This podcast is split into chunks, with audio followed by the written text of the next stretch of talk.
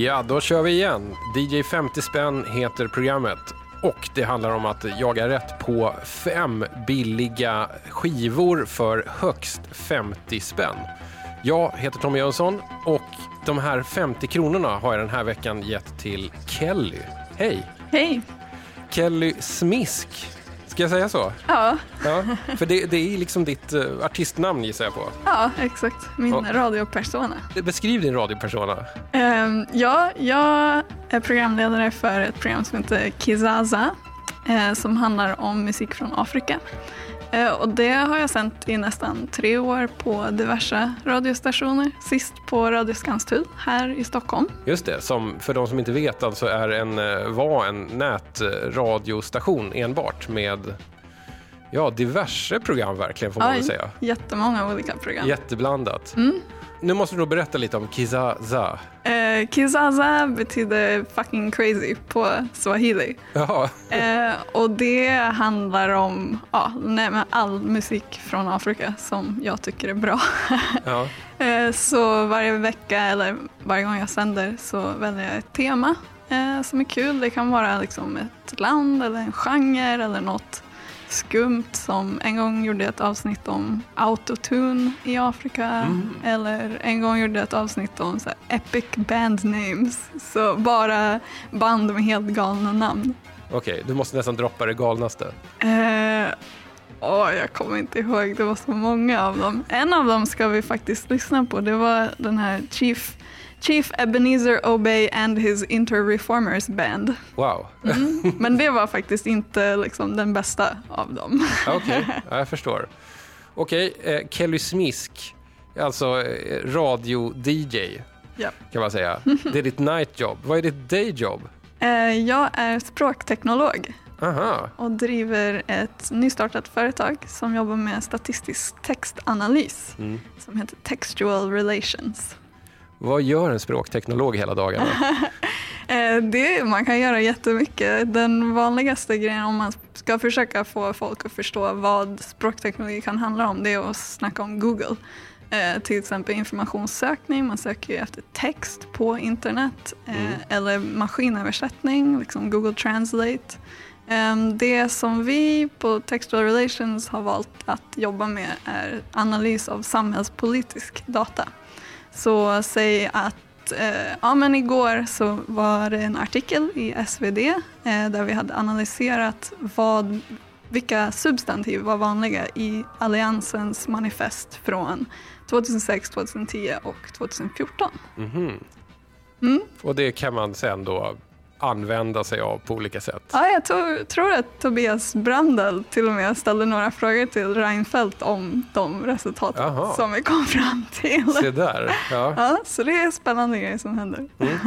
Nu eh, går jag tillbaka här till, eh, till musiken. Mm. Varför är du så inne på musik från Afrika? Det började Kanske. Ja, jag flyttade till Sverige nio år sedan för att plugga. Eh, mm. Jag är från USA och uppvuxen där, men min mamma är från Sverige och jag har bott här lite tidigare också. Um, men då skulle jag dra från USA och flytta hit och så ville jag fylla min nya iPod med massor med musik. Uh, och min farsa hade blivit intresserad av musik från Afrika så jag bara tankade ner liksom massa grejer. Eh, och då var det två skivor som var så himla bra. En var av en snubbe från Kongo som heter Kanda Bongo Man. Eh, och den andra var Orkestra Baobab som är mitt absolut favoritband från Senegal. Eh, så jag började lyssna lite genom det. Och sen när jag flyttade till Uppsala för att göra min masterexamen så hade de studentradion där. Så ringde jag upp och bara, hej vill ni ha ett program om musik från Afrika? Och jag tänkte att de skulle säga, ah, nej det låter för konstigt. Men de ja, var, det kan man väl inte säga nej till? Det var det jag fick reda på. De var ju all about it.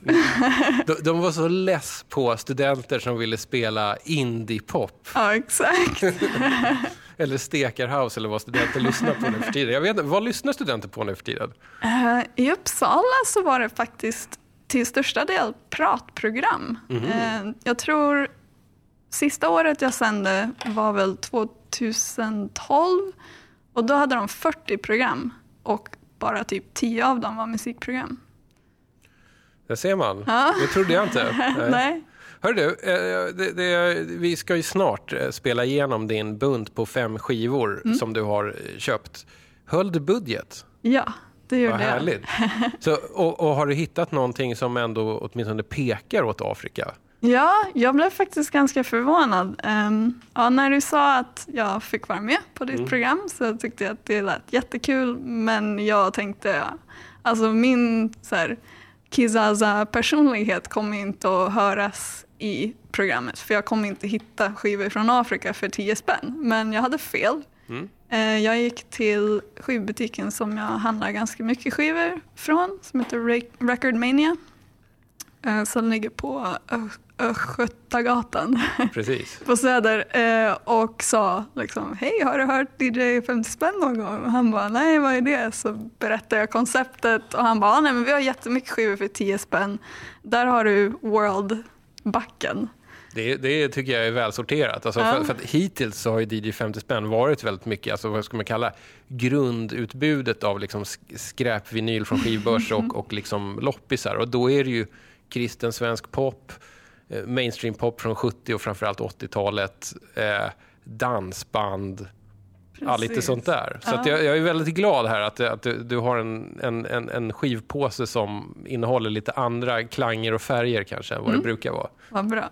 Du, lite mer om Kissa Jag vet att ni snart kommer fira treårsjubileum. Exakt. Det blir jättekul. Vi ska ha fest på Taverna Brillo. Ehm, och det kommer vara den 25 oktober eh, från klockan 22 till 02 så har jag fixat en superspeciell line-up med så jag ska inte spela. Um, och när jag spelar ute brukar det vara jag och en kompis som heter Robin Folke. Um, men just den här kvällen så kommer vi att ha fyra andra DJs från Stockholmsområdet som också liksom spelar mycket afrikansk musik. Mäktigt. Ja, det blir skitkul. Så Ja. alla borde komma till Taverna Brillo den 25 oktober. Ja, hör du, nu tycker jag att det är dags att vi eh, sätter öronen i första skivan. Vad sägs om att börja med kategorin Chansningen. Det blir jättebra.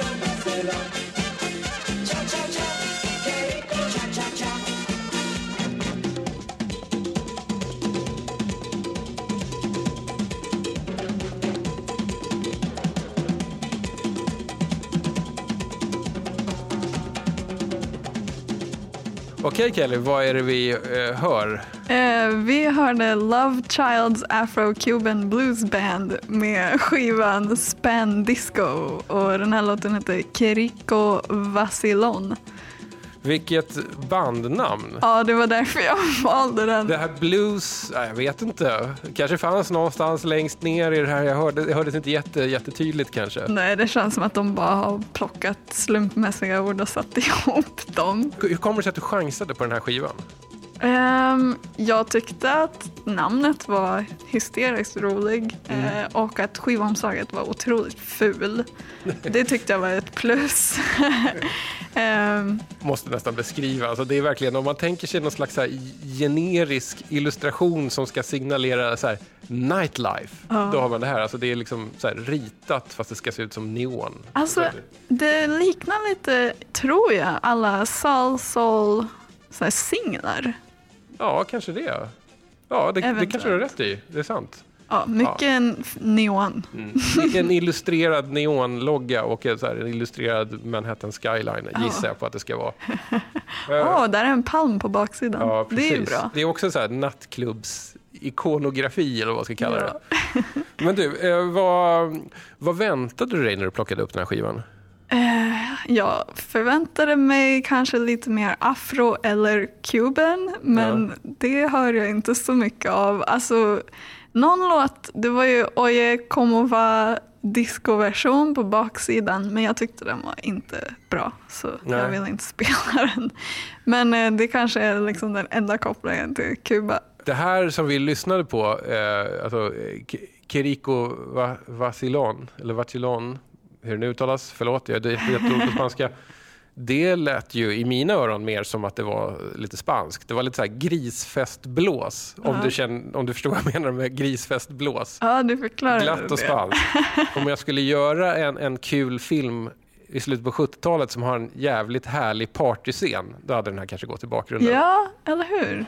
Vet du någonting om Love Childs Afro-Cuban Blues Band? Nej, in, ingenting. Jag googlade namnet eh, och ja, nej, men jag hittade bara så här.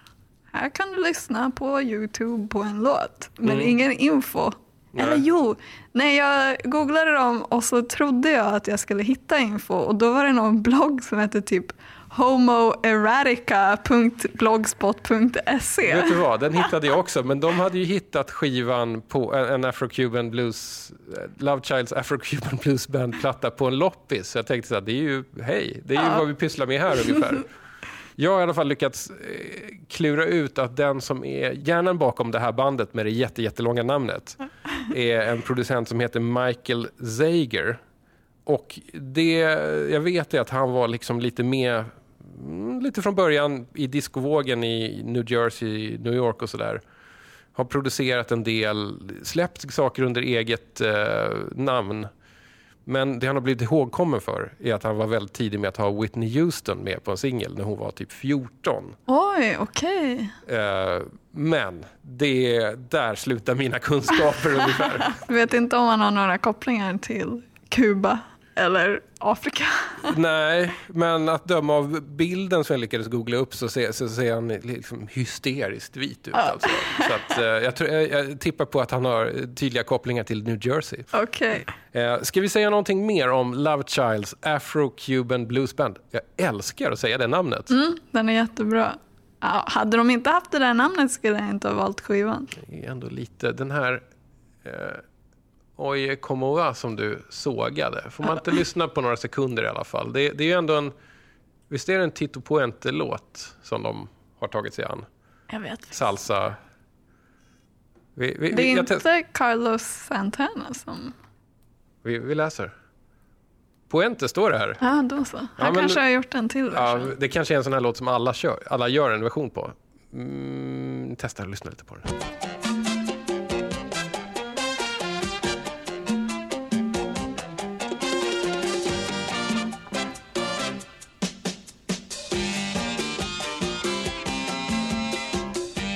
Lite skeptisk till den där fassade gitarren alltså. Ja, Men, den är för snabb också. ja.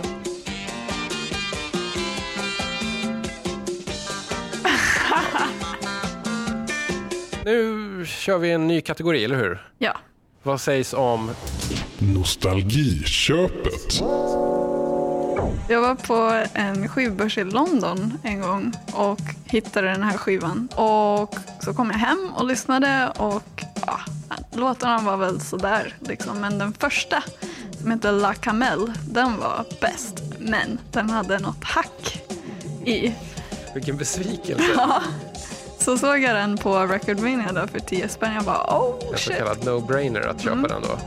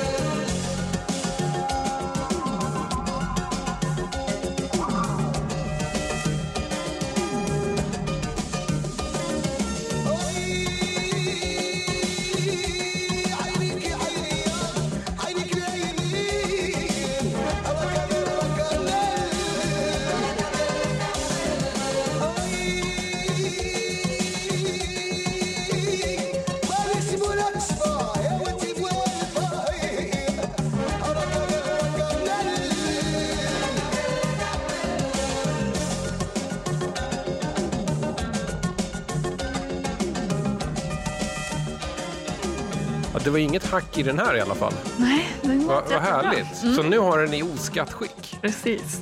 Vad var det för någonting vi hörde? Eh, Det här var Sheb Khaled och Safi Boutella med skivan Kuche, Och den här låten hette då... La Camel. Just det. Det här är ju objektivt skitbra tycker jag när jag hör det nu. Varför har jag inte lyssnat på den här skivan förut? Det vet jag inte. Den här är från 1988 tror jag jag lyckades se Exakt. någonstans här. Och ärligt talat så tycker jag att den här, om man jämför med mycket annan musik från 1988 så har den här åldrats mycket värdigare. Mm. Jo, jag vet inte varför. Har du någon teori? Nej, jag vet inte. Den, den låter inte ostig. Nej. Eh, Men det har ju inte... Det är inte anledningen kanske. Jag vet inte. På omslaget i alla fall det här exemplaret som du har tagit hit så står det då med en stor röd klisterlapp glatt 100% RAI. Det där är inte ett klistermärke utan den är, det är en del av bilden och den var med på min andra skiva också. Menar du att det, ja, det är fan printat på omslaget? Ja. Herregud. Och, och skivomslaget är ju liksom en svartvit bild på eh, Sheb Khaled och eventuellt han Safi Boutella som liksom står i något vardagsrum. Och sen den här super bright red 100% raj. Ja. Det är verkligen så här säljargumentet. Precis. Och den, den här blev väl ganska stor utanför eh, Algeriet där han kommer ifrån och där Rai kommer ifrån. Eh, han var väl den liksom, första Rai-stjärnan som blev känd i, internationellt Mm. och kallas the king of Rai. Oj, där åkte mina papper ner i golvet. Men vet du vad, det slår mig lite att nu, när du säger att, han, att, att det här slog liksom utanför Algeriet. Så här. Jag minns faktiskt ungefär den här tiden, det kan ha varit 88, 89 någonting så här, att Rai var liksom lite hippt. Det var lite hett. Om man gillade det, då hängde man med. Okej, så var det nog inte i USA tror jag. Men, eh, men det kanske var en, en eurogrej då, helt Ja, det enkelt. tror jag absolut. Lyssnar du mycket på alltså, sån här På Rai? Rai? Nja, nej, faktiskt inte. Jag har ju gjort ett avsnitt, eh, Kizaza, om Rai eh, med en kompis från Algeriet. Så det var ju jättekul för han hade superkoll liksom, och kunde även så, översätta några texter och, och sånt.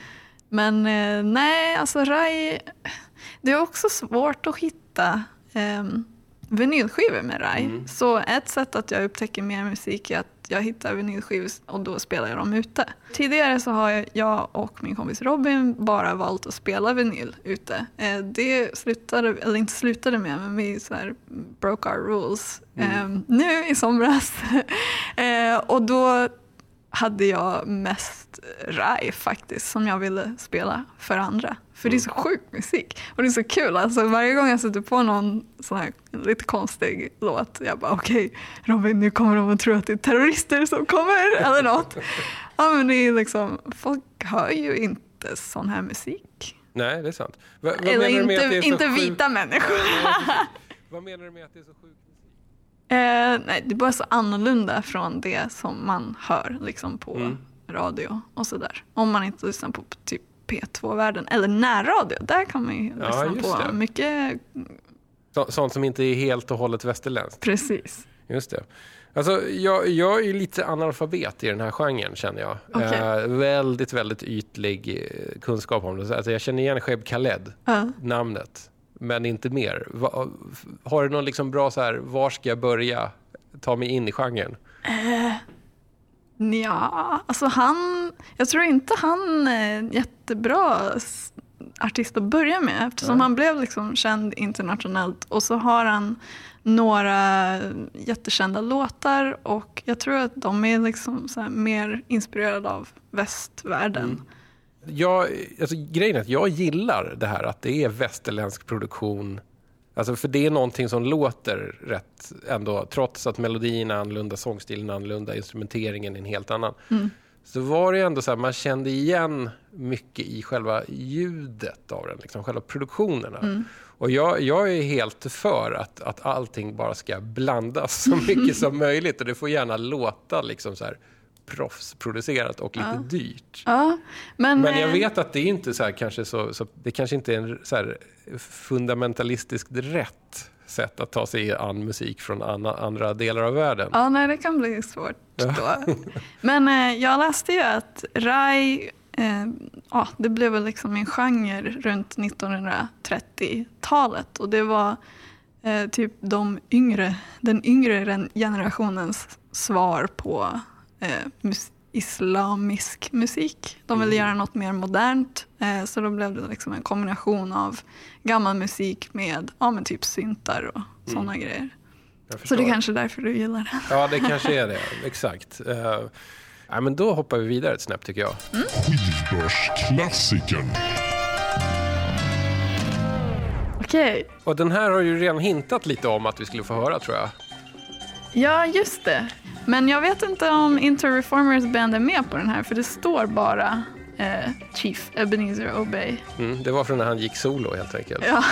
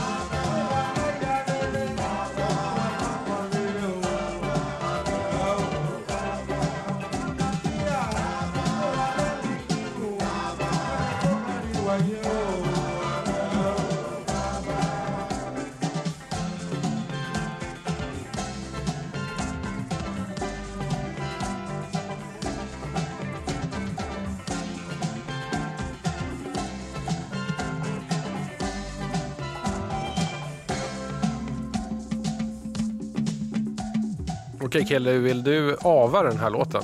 Ja, det här var låten hette Miliki av Chief Ebenezer Obey som också egentligen heter Ebenezer Remi, Remilekun Aremu Olaspu Obey Fabii. Wow, bra långt namn. Ja, Jag har ju sett, eh, sett skivor listade med honom där den också heter Chief Commander Ebenezer Obey. Han är inte bara liksom hövding utan han är även liksom kommendör eller vad man säger. Precis. Men du, eh, va- varifrån är den här skivan? Om vi ska Eh, hitta han en är plats. från Nigeria. Och kan du, kan du liksom genrebestämma det här? Ja, alltså jag visste ju att han höll på med juju Mm. music. Ehm, jag har en skiva av honom som också är typ en skivbörsklassiker Mm. bland world-skivorna som heter It's time for juju music. Ehm, men sen började jag läsa om honom och då läste jag att han egentligen, det han populariserade var liksom en high life juju fusion. Mhm. Så någon slags modernering av juju. Juju låter ju i mina öron som att det också är liksom lite så magisk kraft inblandat. Exakt. Det är väl från typ eh, Haiti, tror jag. Ja, kanske, Juju ja. och Gree-Gree och sådana Ja. grejer. Men det kommer väl förmodligen kanske från Afrika från början? Ja, det gör det nog. Men jag, jag läste också att det, ja, nej, de har inget gemensamt. Okej, det här är skivbörsklassikern. Och det här kanske låter lite som en annorlunda skivbörsklassiker än vad som brukar komma upp i DJ 50 spänn. Ja, det Eh, är det. eh, sådär. Men det fanns ju ett skäl till att det är skivbörsklassikern. Den här fanns i tre upplagor på Record Mania, alla för 10 spänn. Varför tror du att han är en skivbörsklassiker i sin genre? Jag vet inte. Har, har man försökt lansera honom jättestort utomlands? Alltså, eller? Han är ju väldigt känd i Nigeria. Eh, och ja, nej, men han, det var ju han som bland annat, eh, men kanske bland två andra artister som gjorde Juju till en populär grej. Ehm, så det kanske är därför. Jag vet den kopian som jag köpte i Uppsala, det var när Uppsala stadsbibliotek rensade och ville inte ha vinylskivor längre så de sålde dem till en skivbutik i Uppsala. Så jag har några skivor därifrån där det finns liksom ett klisterlapp. Så de, de kanske tyckte den här är bra att ha som representativ för musik från Nigeria. Jag vet inte. Den här, just den här skivan som, som du, du tog med dig hit är ju utgiven på Virgin så att den är ju uppenbarligen någonting som ändå har, det här har man försökt sälja internationellt. Ja. Jag vet inte hur det gick sen med den internationella karriären för Chief Ebenezer Obey.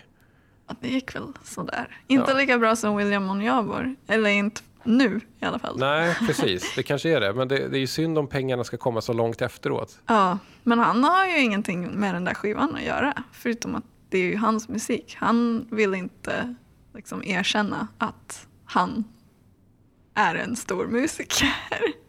Va? Varför ja, det? nej men tydligen så ehm, han blev en typ born again Christian och ja, så här, nej, det där, det där är inte jag längre.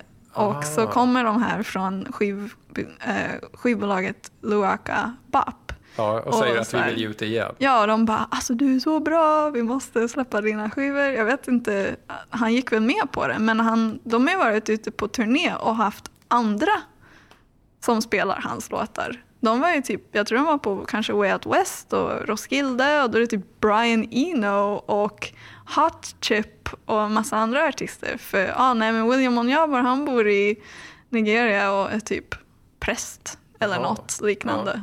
Ja. Ja, där ser man vad, vad kyrkan kan göra med folk. Mm. Okej, vad, vad, vad tycker du om Chief Ebenezer Obey? Jag tycker inte jättemycket om Juju. Eh, Den här låten är faktiskt lite annorlunda än många andra av hans låtar. Men alltså, som sagt, jag tycker att de låter likadan hela tiden.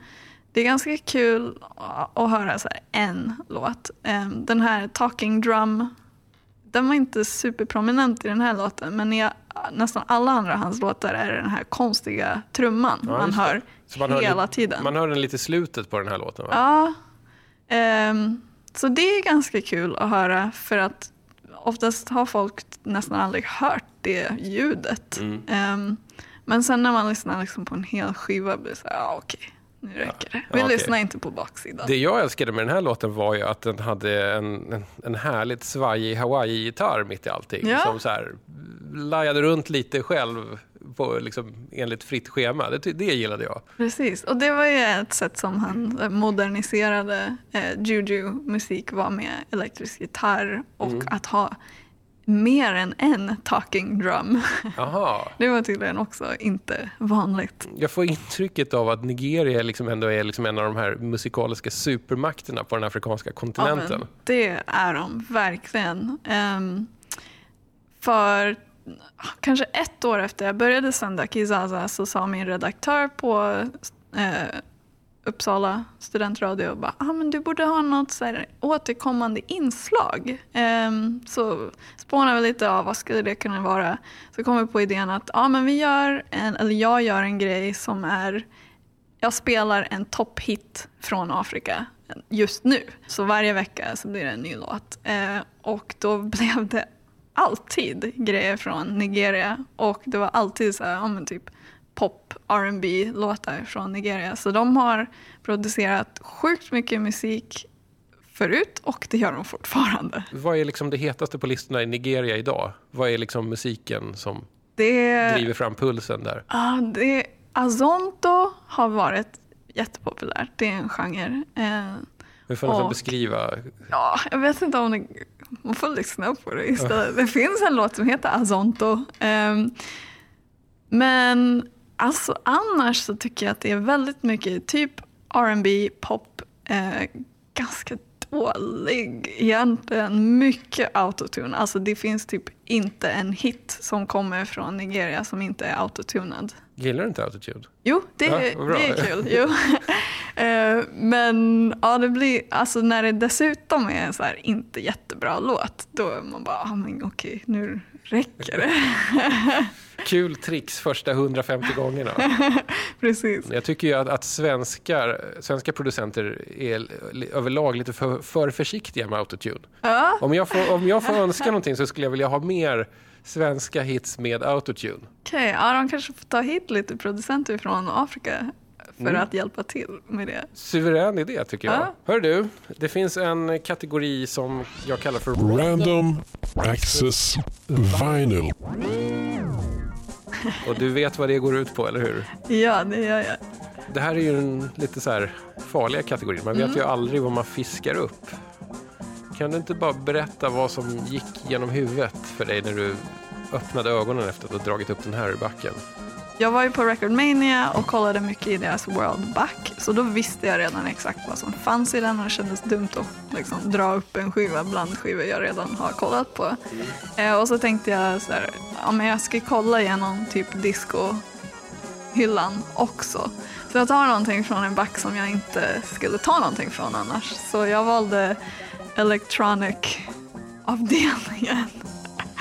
Och då kan ju verkligen, då är det ju mycket liksom singlar och grejer i 10 10 kronors backen. Och då fick du upp den här. Ja, jag såg den och tänkte, ah, omslaget ser lite, kanske afrikanskt ut. Men eh, också lite creepy. Det är tråkigt på det här sättet som bara elektroniska producenter kan vara tråkiga på. Ja, precis.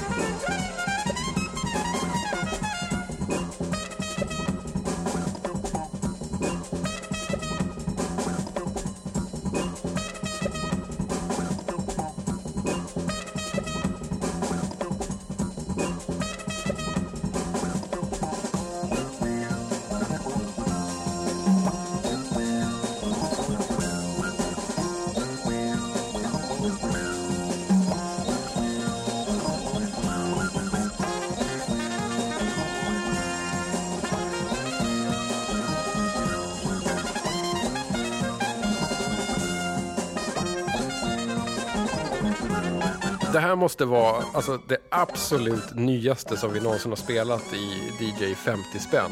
Ja, Alltså det här är från liksom samma århundrade som vi är i nu. ja vad roligt. Så du liksom bröt millenniumvallen. Ja, vad skönt. Det är fantastiskt. Ja. Och det var typ Broken Beat tror vi. Eller vad Ja, ska vi säga? ja, vi kanske inte har sagt vad den heter ens. Nej just det, det är dags att ava låten också. vad hörde vi? Eh, nu ska vi se, gruppen, band, inte bandet, jag vet inte. De heter New Sector Movements och skivan heter No Tricks EP. Eh, men så jag läste att liksom, the mind behind them heter IG Culture och enligt Wikipedia så är han a pioneer of the broken beat movement. Mm, han kanske till och med uppfann det Ja. på något sätt. Alltså det är så konstigt. Alltså broken beat är, är kanske den suddigaste undergenren till dansmusikgenrerna som jag känner till. Ja, jag har inte lyssnat på det alls särskilt mycket Nej. men jag håller med. Ja, men att det är, liksom, det är lite nyjazz och det är lite drum and bass-aktigt och det är lite breakbeats och det är lite så här. Alltså, men vad är det egentligen? Ja, precis. Den här var ju ganska jazzig, Mm. får man ju lov att säga. Faktiskt. Eh, jag vet, jag lyssnade ju på skivan efter jag drog upp den på skivbutiken bara för att jag var nyfiken. Vad, vad fan är det här? eh, och då vet jag att jag tyckte att den här låten var bättre än de andra. Eh, och jag tror nog att de andra, det är fyra låtar på den här skivan och de andra tre låter inte riktigt så här jazzig, Man tror måste jag. ju ringt in någon trumpetare och basist till exempel som man inte kunde säga. Kan ni spela lite stiffare till? Inte våga säga det. det så här, du vet att människor med jazzpondus. Jag har alltid fått för mig att Broken Beat är större i Göteborg än i Stockholm. Det här kan vara en fördom, men jag vet inte. Men att det finns en geografisk skillnad. Att det här går hem i Göteborg, men inte så mycket i Stockholm. Men vadå, finns det en broken beat scene där? Jag kan ha jättefel i det här, det är bara som jag upplever det. Och jag tror att anledningen till att det finns broken beat Ja. är för att typ, inte vet jag, Goldie eller någon annan sån här drum and bass producent på 90-talet tyckte att det vore lite soft att släppa in lite jazzmusiker i studion. Och sen var liksom dammluckorna öppna och sen så blev det det här. Okej, ja, roligt. Gillade du det här? Den, den var okej. Ehm, som sagt, jag valde ju ändå ut den bästa låten på skivan. Mm. Ehm, nej, men jag tyckte inte det var jobbigt att lyssna på den om vi säger så. Men ja, vi får se hur, mycket, hur ofta den blir spelad hemma hos mig. Mm. Vet du vad det är dags för nu? Fyndet. Jajamän. Fyndet. Din sista liksom uppfiskning från den här fantastiska skivbörsen måste jag ändå säga att det var. Att verkligen. Det här är verkligen ett DJ 50 spänn som låter annorlunda. Ja, vad bra.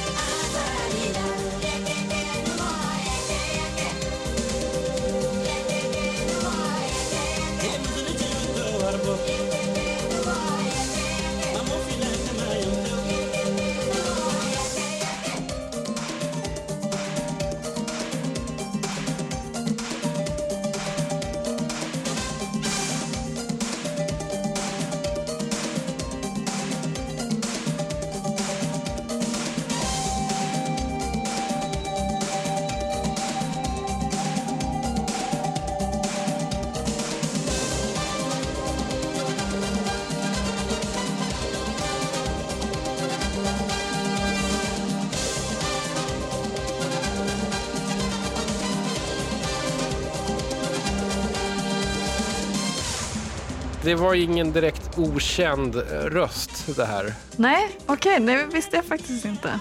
Ja, eh, för det här var faktiskt till och med i Sverige. Just den här låten var en rätt stor radiohit när den kom. Mm, det läste jag efter jag... men jag hade hört den också, men det är för att jag sänder ett radioprogram om musik från Afrika. Ja, just det. Och vi hörde alltså Morikante. Låten heter Jeki Jeki och det albumet som du har fiskat upp för en tia då heter Aquaba Beach. Jag har inte lyssnat igenom det här albumet någon gång. Eh, Den är ganska bra. Det finns några låtar som är så här, ah, den där kan jag hoppa över. Men jag tyckte, ja, nej men skivan är bra. Mm. Mm. Jag läste även att eh, den blev skitstor överallt i Europa. Eh, och det var den första afrikanska singeln, alltså då Jeke Jeke, att eh, sälja över en miljon kopior. Mhm. Ser man på. Den, den pikade som nummer 43 på svenska singellistan så att så här, försäljningsmässigt så var den väl inte störst. Men det är ändå inte dåligt. Ja, enligt Wikipedia så var det en nummer ett singel, men då har de bara skrivit Europa. Jaha, okej. ja. Ja, så det var ju 1988. Varför är det här fyndet då? Jo, en anledning är att ehm, i somras så spelade jag på Trädgården eh, lite skivor och som jag sa tidigare så just runt den tiden som jag spelade så hade vi börjat spela från ja, MP3 och vinyl. Bara så lite MP3 sprinklat in i mixen. Eh, och då hade jag den här på min lilla minnespinne eh, och spelade upp den. Så när jag såg att den fanns på vinyl för 10 spänn så var ju det jättebra. Men jag tycker också att den är grym. Alltså min, jag har ju faser inom afrikansk musik också. Och just nu är min, det jag gillar mest är afropop. Eh, och de här liksom superdramatiska poplåtar tycker jag är jätteroliga. Och det är det här liksom. Ja, ja, jag förstår. Ja. Om man ska säga någonting om Morikante, hur kommer det sig att han slog... Vad var det som gjorde att han slog internationellt? Ja, jag vet inte. Alltså, det kan ha att göra med att först var han med i ett band som heter Railband eh, som en annan superduper känd artist var med i som heter Salif Keita. Just det. Eh, det, han, han är kanske för oss som inte har hört honom mest känd för att han är albino, heter det så på svenska. Ja, man säger det. Ehm, men han har ju också en asbra, amazing röst. Ehm, så när han lämnade Railband som deras eh, sångare så blev Morikante deras sångare. Eh, så han blev väl liksom känd där först. Eh, och sen hände något. Jag gillar ju också att det låter väldigt mycket sent 80-tal på produktionen. Jag tycker det var härligt med sådana här orchestra hits-ljud och liksom... Ja, nej, men när jag sa att jag gillar de här afropop-låtarna då är det, ja, de flesta är från 80-tal. Ja, så är det så? Ja. Som är liksom golden oldies. Vi- Vilka andra så här, afropop eh, artister borde man känna till någorlunda väl om man gillar musik? Ehm, jag älskar Brenda Fassie. Hon är från Sydafrika och hon är jättekänd därifrån. Hon kallas för the Madonna of the Townships. Det var Time Magazine som liksom... Ja, det lät väldigt mycket som en rubrik. Ja. Ehm, och Sam Fan Thomas har jag börjat lyssna på väldigt mycket. Han var från Kamerun, tror jag. Um, egentligen spelar han en genre som heter makossa. Men ja, det, det är liksom popmusik. Ja. Alltså, jag, jag tror att det kan finnas en annan lite, här, lite skruvad grej som kanske pushade på att, att det här Morikante, den här Morikante-plattan blev stor internationellt. För jag vet att flera låtar från den har varit med i indiska filmer. Åh, och tidigare när vi snackade om musik från Nigeria och autotune eh, så tänkte jag på en, en skiva som eh, ett skivbolag som heter Sahel Sounds släppte tidigare det här året som heter Bollywood Inspired Music from Northern Nigeria som heter Harafin So och den är så himla crazy. Det låter liksom som Bollywood men det är från Afrika och det är så autotunad. Alltså det är inte en enda låt på skivan som inte är det. Och det är, alltså de låter inte som människor längre. Så den kan jag definitivt rekommendera. Det, det, det där kommer jag slänga mig över. Ja, men jag gjorde ett helt avsnitt av Kizaza om autotune. Och det var extra kul för att eh, när jag kom på idén att jag skulle göra avsnittet så googlade jag bara ja, autotune, African musik. Eh, så fick jag upp en kandidat, eh, exa- eller inte examen, kandidatuppsats som handlade om det. Så kontaktade jag han som hade skrivit den, så han är med. Jag intervjuar honom i det här avsnittet och han får berätta liksom om ja, vad han kom fram till, varför det var ett sånt stort fenomen i Afrika. Och varför var det det? Eh, han hade lite olika anledningar. En var att han tyckte eh, att på, på något sätt autotune återskapar saker som man gjorde redan i traditionell musik. Eh, för det andra är att ja, USA är huge och man vill härma dem. Och så tänkte han också, eller kom fram till att alla produktions, ja, alla studios hade den här teknologin där och de vill utnyttja det maximalt. Mer autotune som sagt. Ja, Hör du, nu har det börjat gå ganska långt här på minneskortet. Jag vet inte hur mycket mer plats jag har här. okej. Eh, så att jag känner att det är dags att börja liksom knyta ihop säcken här. All right. Kelly Smisk, tack så mycket för musiken. Tack själv, jättekul att komma. Och eh, här kommer då din eh, hejdå-låt av James Last och hans orkester.